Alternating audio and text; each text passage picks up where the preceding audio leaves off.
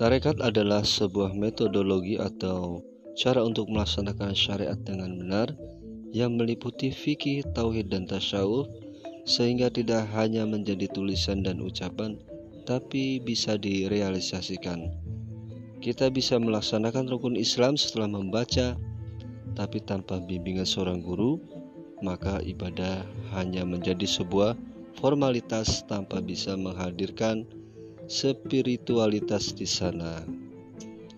Mudah-mudahan dengan adanya podcast ini menggugah hati semua untuk segera menempuh jalan kepadanya. Tarekatullah sampai mencapai ma'rifatullah.